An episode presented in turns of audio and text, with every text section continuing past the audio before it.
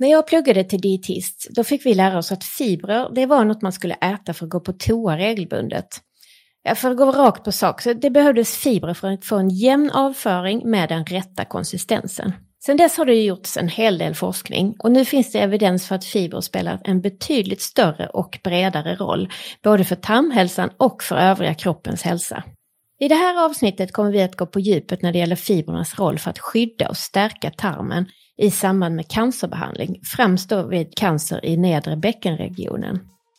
Podcasten ges ut av Fresenius Kabi som är en leverantör av produkter och tjänster inom hela vårdkedjan för terapi och vård på och utanför sjukhus. Varmt välkomna att lyssna!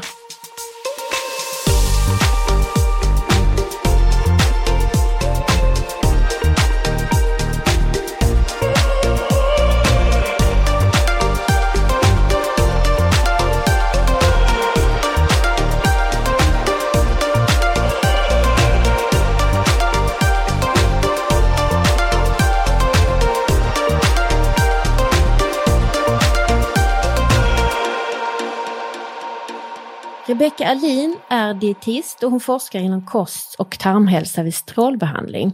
Hon vill bland annat ta reda på vilken roll fibrer spelar för att skydda och stärka tarmslemhinnan och minska inflammationsprocesser som uppstår i samband med behandlingen. Så nu säger vi varmt välkommen till Puls på vård och vetenskap till dietist Rebecka Alin. Hej! Tack snälla! Alltså kul att få prata med en dietist här igen i podden.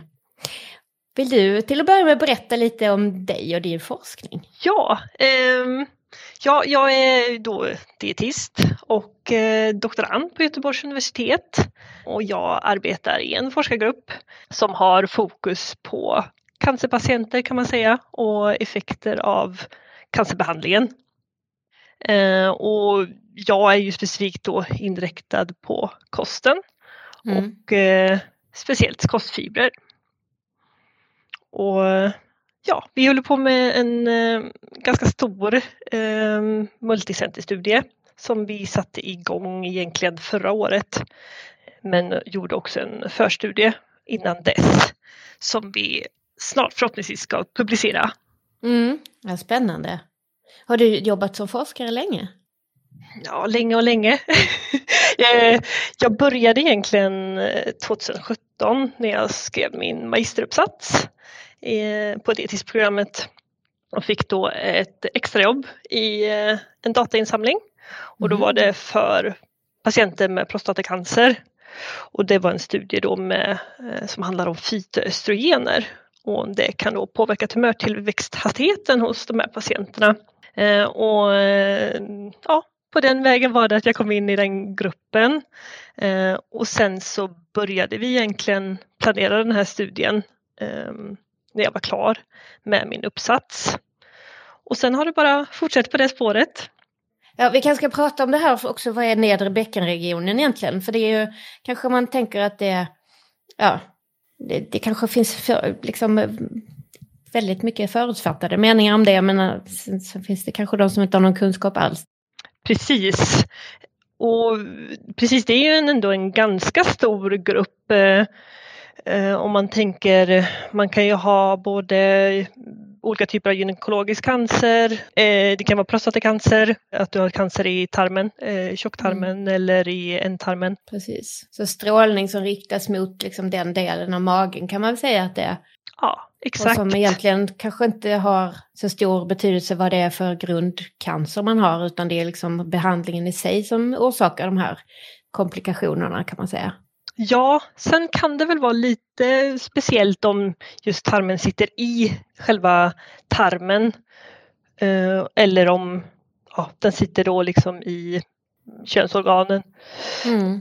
Och då är det ju ingen tumör som tar emot eller vad man ska säga för det kan ju åstadkomma hinder också och komplikationer såklart. Mm. Mm. Och så dessutom då att strålningen ger effekter. Ja, för jag tyckte det var så intressant, jag har ju, vi kanske avslöja det innan, redan nu, att jag har ju gjort en intervju med dig tidigare eh, till en tidning som heter Allt om mage. Och eh, det som jag lärde mig då, det var ju liksom det här med att du, du tittar mycket på hur liksom tarmslemhinnan mår och hur tarmslemhinnan kan påverkas av hur mycket fibrer man äter. Exakt. Eh, det finns ju en del studier just på det här eh, slemlagret som vi har i tarmen mm. och det är egentligen eh, två slemlager, så ett inre och ett yttre. Och de skyddar ju mot att vi har ju massor, massor med bakterier i tarmen och då är de ett skydd mot att de tränger igenom tarmslemhinnan. De är ju superbra de här bakterierna men vill vi ju inte ha dem liksom att de passerar tarmväggen och kommer in i, i kroppen. För där kan de ju orsaka olika inflammationer. Och det vill vi inte. Nej, precis. Bakterier är ju jättebra men de ska ju vara på rätt ställe. Exakt. Får man hudbakterierna in i blodet så är det ju väldigt illa. Liksom, mm. De behövs ute på huden. Exakt. Det, kan man säga att det är samma i magen och tarmen också kanske? Ja, precis. De ska men, vara där på rätt sida om membranen. Liksom. Mm. Man har ju ändå sett samband med eh, om man säger den här genomsläppligheten av bakterier och olika sjukdomar. Mm. Eh, exempelvis ulcerös kolit. Och man har också sett att eh, patienter med prediabetes också har liksom en ökad benägenhet att bakterier kommer igenom eh, det här ja, in i tarmen. Och då kan man ju, tror man ju att det här slemlagret har en väldigt viktig betydelse. Och eh, har inte bakterierna då fibrer som bakterierna äter på så börjar de äta på slemlagret istället. Mm. Så det har man ju studerat i djurstudier framför allt. Det är ju inte alla studier vi kan göra på människor. Nej, precis. Mm. Men så det kan man säga att den, det slemlagret liksom är en del av cellen så att säga. För den sitter liksom inte löst innanför i själva tarmhålrummet liksom. Utan det sitter i själva cellen. Och nu sätter jag, jag kan ställa frågor som inte alls har med ditt område Lurig fråga. men jag tänker att det måste ju sitta, sitta fast där på något vis. det vågar jag inte svara på. Ja, nej, vi behöver inte spekulera i det. Men hur som helst, det, det, finns liksom ett lager som man kan då styra funktionen och tjockleken på den, det lagret då kan man säga. Eller? Mm. Sen det är klart eh, finns det ju såklart genetiska faktorer där så mycket kan vi ju styra med kosten att den påverkar men som sagt eh, allt kan vi ju inte styra tyvärr. Man, man har ju sett i olika studier att eh, det är väldigt individuell variation på mm om man säger på hur tarmfloran reagerar på mm. viss kost då, att det finns mm. responders och icke-responders. Precis, för det har man väl tidigare trott att det hade med liksom bakterierna att göra mer. Att det liksom man kan ja, styra bakteriebalansen mer. Men eh, då kanske det har med slemhinnan och, och slemlagret att göra också då? Mm, jo men det tror man ju ändå att det har ändå en stor betydelse. Mm. Sen är det alltid svårt att veta hur, hur stor betydelse. Ja, precis. Och vilken är mekanismen? Ja, mm. Det är ju det här. Man tänker att man vet lite om en sak så tror man att man vet allt. Men sen ju mer man lär sig desto mer så fattar man att nej, jag fattar ingenting egentligen. Exakt. Det är som när man börjar läsa på universitetet.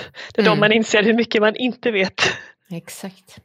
Ja men spännande. Men det, finns det fibrer, eller så, olika typer av fibrer, olika livsmedel som har en större benägenhet att öka den här slemmängden och, och liksom, eh, vara bra för tarmslemhinnan helt enkelt? Ja, om man tänker att man tror att eh, just tarmfloran är viktig för det här slemlagret då. Och vi vet ju att vi kan påverka eh, tarmfloran med olika, olika typer av kost. Och då finns det ju olika typer av fibrer som påverkar mer eller mindre. Ehm, man brukar ju prata om lösliga och olösliga fibrer. Det tror jag de flesta ändå har hört. Och då, då tänker man ju på lösligheten i vatten. Eh, om man tänker att eh, har vi vetekli och lägger det i vatten så, så händer det ju inte jättemycket. De ligger mest där och flyter. Eh, och det är väldigt stor andel olösliga fibrer i vetekli. har vi istället, eh, ja, vad kan vi ta det bästa exemplet? Chiafrön eh, har ju varit poppis ett tag. Och lägger vi dem i vatten så suger de ju liksom upp vätskan och det blir lite sådär geléigt. Och det är ju ett exempel då mer på lösliga fibrer. Sen är ju, alltså alla livsmedel innehåller ju en blandning av de här olika typerna av fibrerna. Eh, men ja, att vi ser vissa fibrer då, eller i större mängd i vissa livsmedel. Sen kan man dela in de här lösliga fibrerna ytterligare då. Eh, och då kan man prata om eh, viskositeten eller då det här gelbildandet som jag gav exempel på där tidigare. Och sen brukar man prata om fermenterbarhet också. Just hur stor, liksom hur stor fermentering det sker av bakterierna, den här jäsningsprocessen. Och vid fermentering så bildas ju kortkedjiga fettsyror. Eh, brukar vara, prata om acetat, propionat, butyrat. Och de har ju väldigt fördelaktiga effekter för hälsan har man ju sett och för tarmcellerna. Mm, och också den här fermenteringen eller butyrat har man ju sett att det är en viktig substrat liksom, eller vad ska man säga, bränsle för tarmfloran. Sen har man ju sett väldigt mycket hälsoeffekter av den här gelen eller vad man ska säga eh, hos människor. Just att man ser eh, effekter på glukostolerans och ehm, eh, aptitreglering och Eh, kolesterol och sånt. Så ja, olika typer av fibrer har ju väldigt olika hälsoeffekter och är viktiga ur olika typer av situationer eller vad man ska säga. Så, så det är lite vad, vad man är ute efter. Så de har ju lite olika effekt på tarmfloran då. Om man säger de här gelbildande fibrerna, de är ju att de delvis fermenteras av tarmfloran men inte liksom lika fort och eh, till, till lika stor del då som de här, eh, de brukar man kalla för prebiotika. Mm.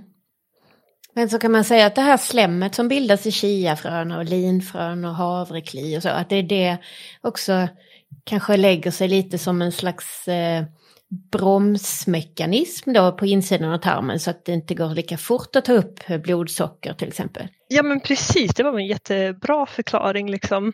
Jag kanske skulle ge mig in på den här fiberforskningen. Nej, där, där kan du få hålla dig så kan, jag, så kan jag få prata med folk om olika saker istället. Det tycker jag är jättespännande.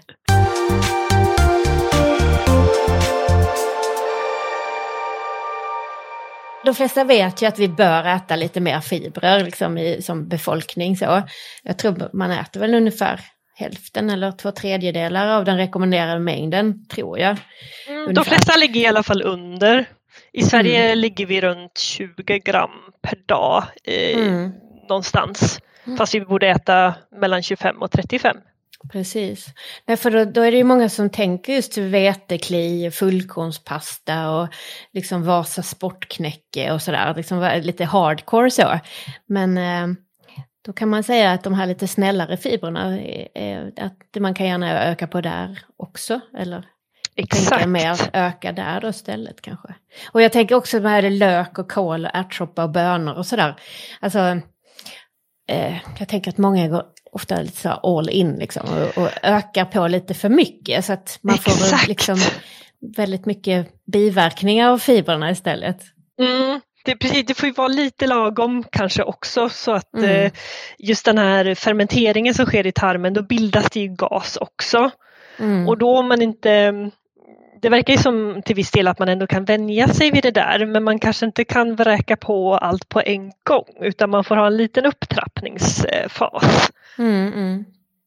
Precis. Och det är väl ännu viktigare när det gäller de som är liksom patienterna som ingår i era studier då, att man kanske ska vara ännu mer försiktig med att liksom öka upp långsamt och sådär. Exakt, vi, vi har en liten tillvänjningsfas i vår studie där att man ska trappa upp eh, mm. fiberintaget. Eh, nu använder vi oss av ett fibertillskott i vår studie för att det ska vara lättare att studera. Eh, men de äter fibrer från kosten också.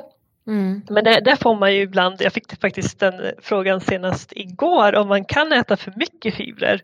Mm. Och det kan man ju för man vill ju kanske inte gå runt och ha en uppblåst mage och buksmärta och ja, det är inte socialt accepterat att man går runt och fiser. Så där får man ju någonstans hitta en nivå och som sagt har man då en problematik innan så ja, kanske man får lägga sig på en lägre nivå och mm. prova sig fram helt enkelt. Mm. Men för de som du träffar är ganska, eh, eller du kanske inte träffar de som är med i studien, men de som är med i studien i alla fall. Eh, jag kan tänka mig att det liksom mm, problematiken är ganska så individuell också. Verkligen. Och nu eh, träffar vi dem inte personligt sen mm. Eh, coronapandemin startade så nu pratar vi med dem på telefon främst. Mm. Eh, men just det här att vissa kan äta väldigt stora mängder och du har de oftast, vad jag upplever i alla fall, ätit ganska mycket fibrer innan då. Sen är det väldigt olika också, en del kan ha ätit mycket innan och det funkar inte alls att äta lika mycket då eh, mm. om man genomgår strålbehandling. Eh, Medan andra, ja, de kanske inte ätit lika mycket från början och ja, har svårt och får, får det väldigt jobbigt under sin behandling med mat överhuvudtaget. Mm. Kan man eh, se någon slags eh, samband så om tarmen mår lite bättre, mår de också bättre vad det gäller illamående och sådär då också? Eller eh, finns det något sånt eh, samband som ni har sett liksom?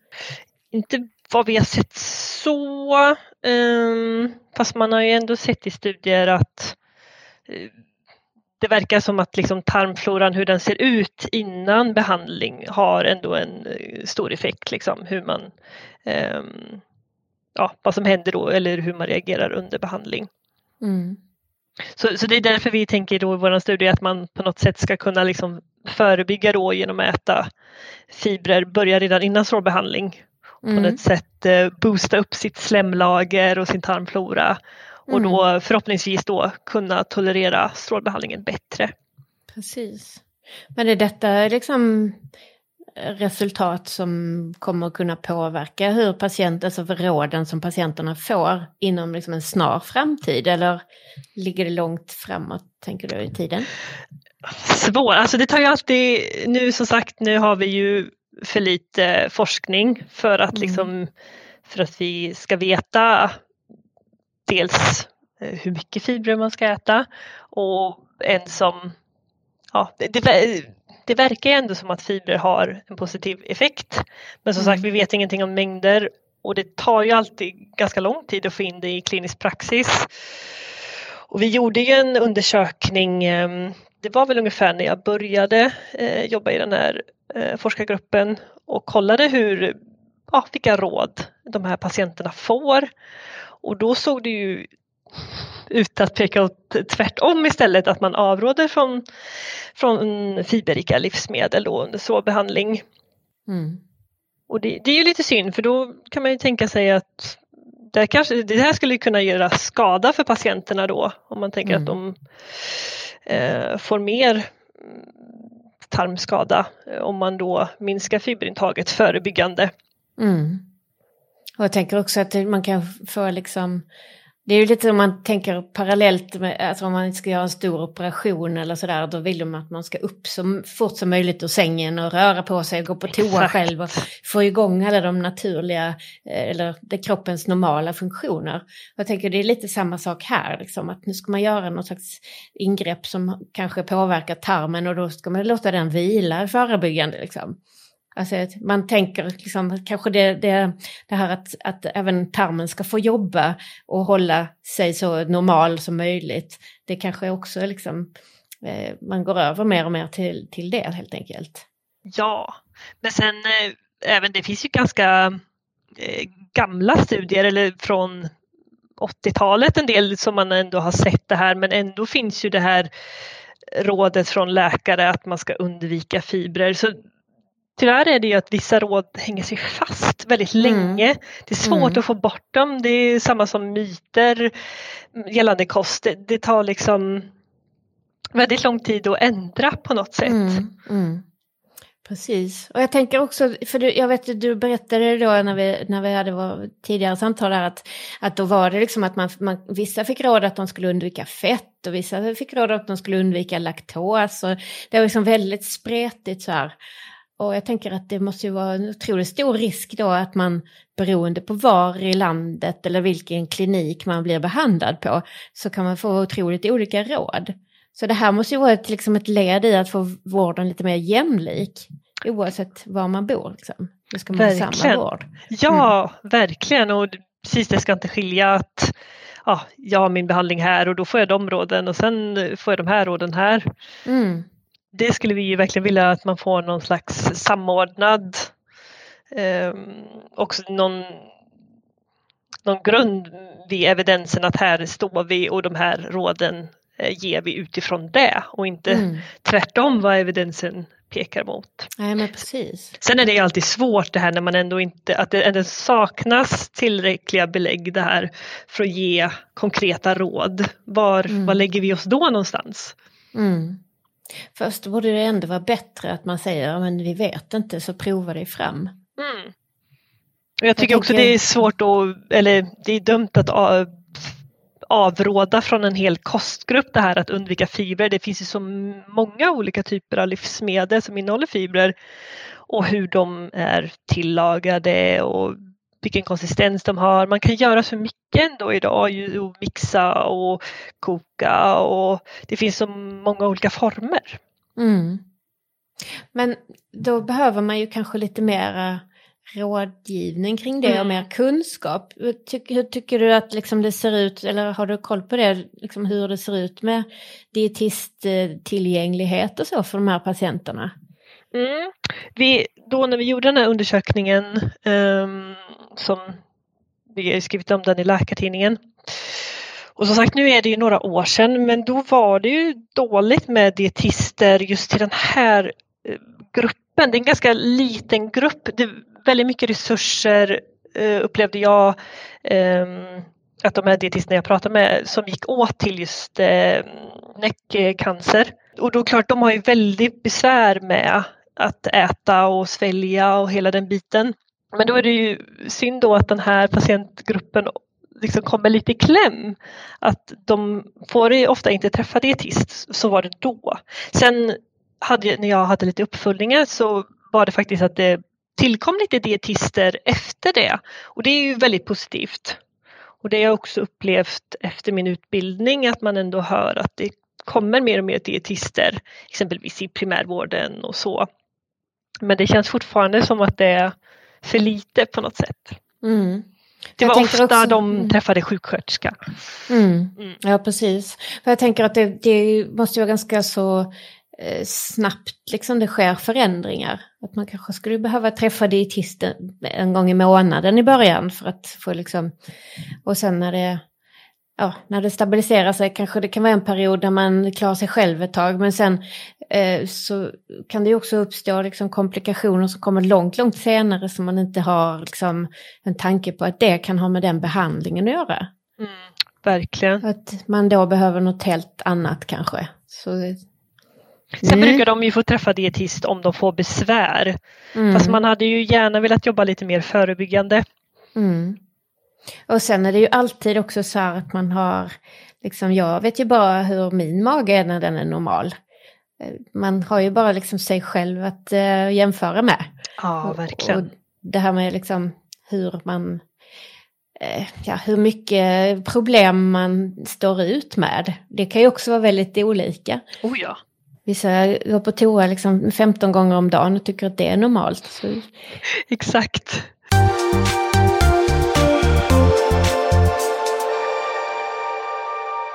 Men är det din uppfattning att många liksom är onödigt försiktiga? Eh, både vad det gäller liksom vårdpersonal och patienter. Så att man undviker fibrer lite för mycket för, fast man egentligen skulle kunna äta mer av det. Det är svårt, nu, nu pratar jag ju också med dem som är med i vår studie. Mm. Så det är klart nu ingår de i en fiberstudie så de eh, är ju väldigt så att eh, inriktade på att äta fibrer vilket är mm. roligt. Mm. Um, så det tror jag inte riktigt upplevt men som sagt jag får en liten eh, vinklad bild såklart. Ja det är klart. Men då träffar ni bara patienter inom Göteborg eller är det en rikstäckande då? Ja, eh, vi börjar ju eh, inkluderingen i Göteborg och sen i höstas utökade vi till Skåne. Så i Skåne har vi ju faktiskt både prostata och eh, gyn, eh, eller patienter med gynekologisk cancer då. Eh, och i Göteborg hoppas vi kunna utöka till prostata också nu i höst. Eh, för där har vi bara haft eh, gyncancerpatienter innan då. Så det har som sagt, sen i höstas har det blivit både eh, kvinnor och män. Och som sagt prostata är en väldigt mycket större grupp än, än kvinnorna då med gynekologisk cancer som strålas. Så det, det är ju en majoritet av män som mm. vi eh, pratar med från Skåne då och från Göteborg är det än så länge bara kvinnor i den studien. Men som sagt vi hoppas att det ska bli män också snart. Ja, intressant. Väldigt spännande att höra om din forskning och så. Men jag tänker att, eh, för att eh, även om det är ganska relativt vanligt att man får den här typen av behandling och så, så finns det ju en annan patientgrupp som är ännu vanligare där ute i samhället som också ofta får klara sig lite själv. Och jag tänker på personer med IBS. Mm. Uh, och att man även där skulle kunna ha den, liksom, lite nytta av det här sättet att tänka kring fibrer, tänker jag. För det är väl lite, lite så med den gruppen också, att man är ganska fokuserad på att det eh, kan vara fibrer eller eh, sådana här fermenterbara kolhydrater som kan vara problemet som orsakar liksom, gasbildning och eh, olika typer av eh, förstoppning eller diarré och ont i magen och så vidare. Um, hur tänker du kring det? För jag, jag, tycker det är lite så, det är lite klassiskt svenskt tänkande, liksom att det, det, är antingen noll eller hundra. Det finns liksom inte det här att vi kan ta lite grann. antingen följer vi den dieten eller så följer vi den dieten. Verkligen. Ja, men just det här med att liksom prova sig fram och prova olika typer av fibrer eller så. Verkligen, för som du säger att ehm, um, IBS kan ju vara verkligen det motsatta. Att du liksom är förstoppad eller du är, har eh, problem med lös avföring eller då en kombination av båda. Eh, nu är jag ju ingen expert på IBS så, eh, men det blir ju ändå att man läser lite studier när man är i fiberområdet, man råkar på IBS också. För det är ändå en lite typ av samma problematik, liksom att man har det är en irritation i tarmen och det är klart det är lite samma när man strålas också. Det uppkommer ju också en ja, typ av skada i tarmen. Det är två helt olika mekanismer så men, men man kan ju tänka sig lite samma kostråd för som sagt sam, när du strålar så kan du också få problem. Det är vanligast med lös avföring men du kan, vissa kan också bli förstoppade. Så eh, och det är ju det här, de här olika typerna av fibrerna som jag pratade om innan. Det skulle man ju verkligen kunna utnyttja eller ta, ta del av då som IBS-patient att, att precis man kanske inte tolererar en viss typ men andra typer kan gå bra. Mm. Och just när jag pratade om vetekli innan så eh, var ju det, det, har man ju sett hos IBS-patienter att just olösliga fibrer kan vara lite problematiskt för dem.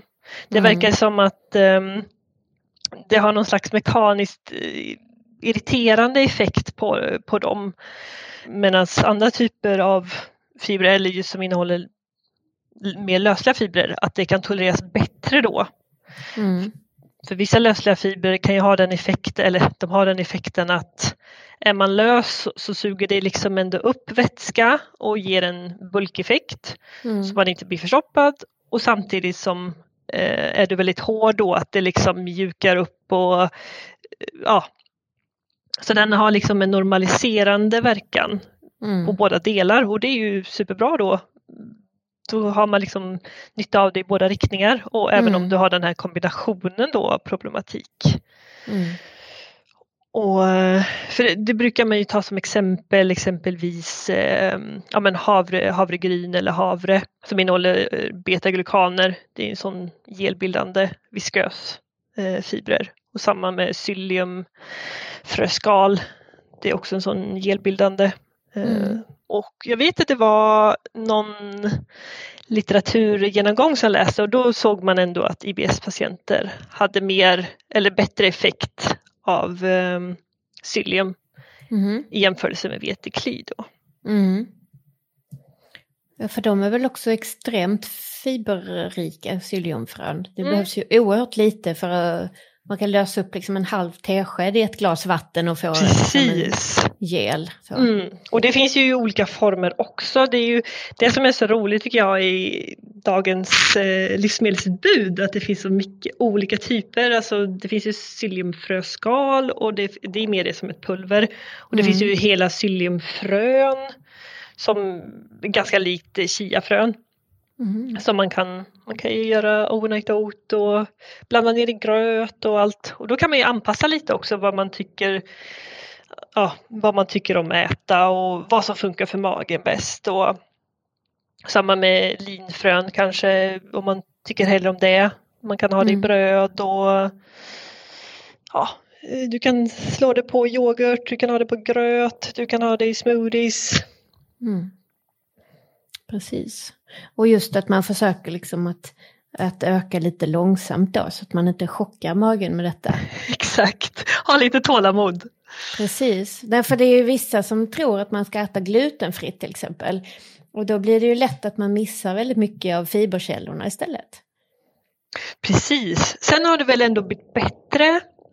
Livsmedelsverket gjorde väl någon översikt där att, eh, att det ändå såg ganska bra ut med fiberintaget. Men det är väl tack vare att man ändå har ett bättre utbud idag. Ja, precis. Mm. Det har ju skett jättemycket inom det glutenfria brödsortimentet, absolut. Precis. Men sen är det ju såklart, eh, det blir ju lätt att man får använda vetestärkelse och sånt för att Mm. eh, man inte ska ha det- men det är väl synd tycker jag att det är så att man liksom precis man måste vara antingen ska man äta gluten eller så är det eh, glutenfritt och så kan man gå miste om så mycket. Mm. Precis, jag tänker både det att man går miste om en massa näring, man går miste om en massa god mat, om en massa upplevelser. Och liksom det ska ju vara avspänt och, och roligt och trevligt att gå på restaurang till exempel. Man då sitter där och oroar sig för att liksom, kan kocken det här nu? Liksom. Om man inte har en glutenintolerans på riktigt så att säga, så ska man ju inte behöva ha den oron tycker jag. Nej, precis. Och så just att det blir så krångligt. Mm. Jag- Precis. Och det gäller ju oavsett om liksom ämnet som vi egentligen pratar om idag då. att eh, liksom man, man har fått, eh, om man har liksom fått ovetenskapliga råd som kanske inte alls har någon effekt utan snarare får en negativ effekt då för att man går och oroar sig och begränsar sin kost helt i onödan. Ja, det är Ni gör ju jättesynd. Ja, så ni gör ju ett superviktigt jobb genom att försöka liksom pränta ner på vad, vad är det egentligen som det finns bevis för helt enkelt. Och det är väl det som det roliga när man får prata med cancerpatienter. Man hör ju väldigt mycket av myterna som finns och som man själv ser som en självklarhet att det är lätt att bli blind i sin egen expertis. Ja, precis. Men nu blir jag ju net- jättenyfiken. Vad, vad är de vanligaste myterna? Eh, ja, men jag tycker man hör väldigt mycket med det här med socker och cancer. Att eh, det speedar på cancern. Och det är ju så svårt också för det här med kost är ju, det är ju inte svart eller vitt utan det är väldigt mycket gråzoner. Och just att cancercellerna tar ju liksom vad de vill. Och då även om vi inte äter socker och kolhydrater så kroppen är ju smart, den kan göra om fett och protein till kolhydrater. Och just börjar man då undvika saker som patient så är det väldigt lätt att man blir undernärd och börjar förlora muskelmassa och det är en massa negativa effekter. Och då, man svälter ju inte ut cancern bara för att man slutar äta socker. Tyvärr.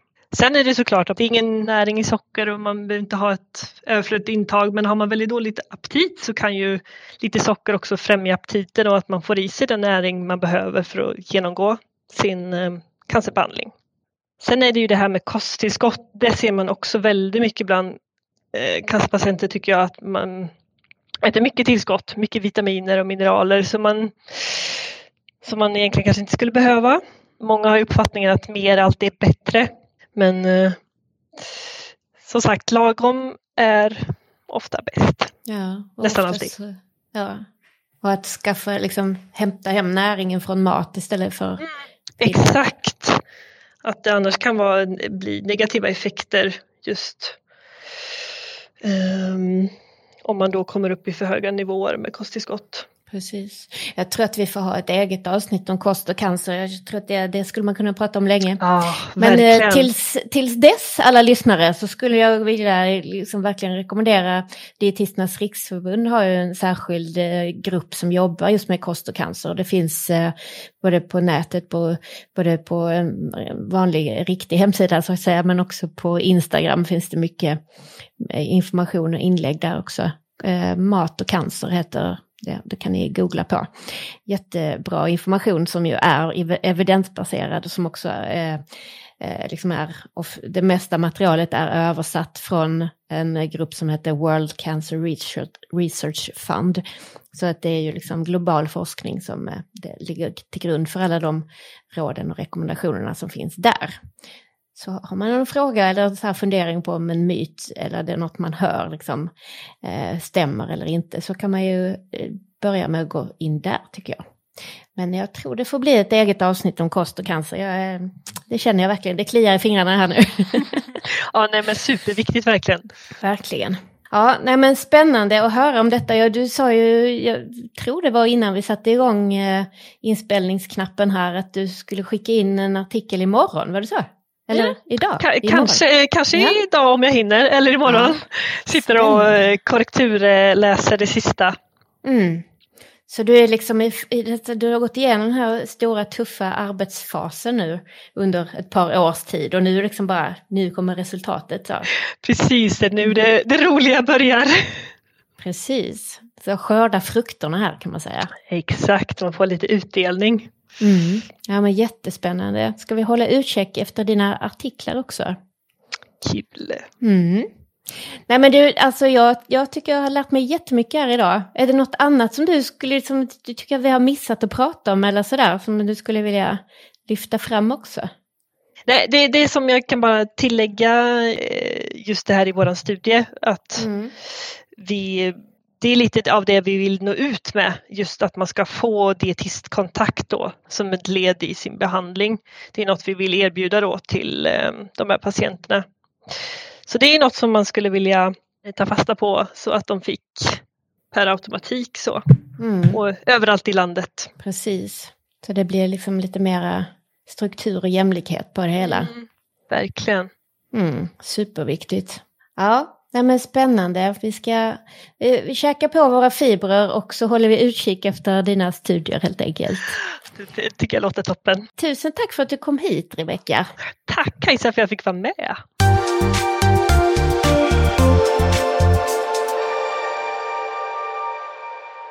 Alltså jag tycker ju alltid det är spännande att höra mer om ny forskning. Men det känns rätt otroligt vad mycket som har hänt bara inom ämnet kostfiber på de senaste 20 åren. Rebeckas forskning om fibrernas roll för att stärka tarmslemhinnan, det är ju bara en liten del, men den är ju otroligt viktig för en stor grupp patienter. Forskargruppens kunskap lägger ju grunden till råd och rekommendationer som gör att många människor kan må lite bättre i magen och samtidigt få en betydligt bättre livskvalitet. Så viktigt jobb! Stort tack Rebecka för att du ville vara med oss som gäst i podden Puls på vård och vetenskap. Och stort tack också till dig som har lyssnat. Den här podden ges ut av Fresenius Kabi som är en leverantör i hela vårdkedjan, både på och utanför sjukhus. Klinisk nutrition, infusionsterapi, intravenösa läkemedel, biosimilarer, desinfektion och medicinsk teknik. Det är några av de områden som de jobbar med. Vill du veta mer så gå gärna in på freseniuskabi.se. Vi hörs!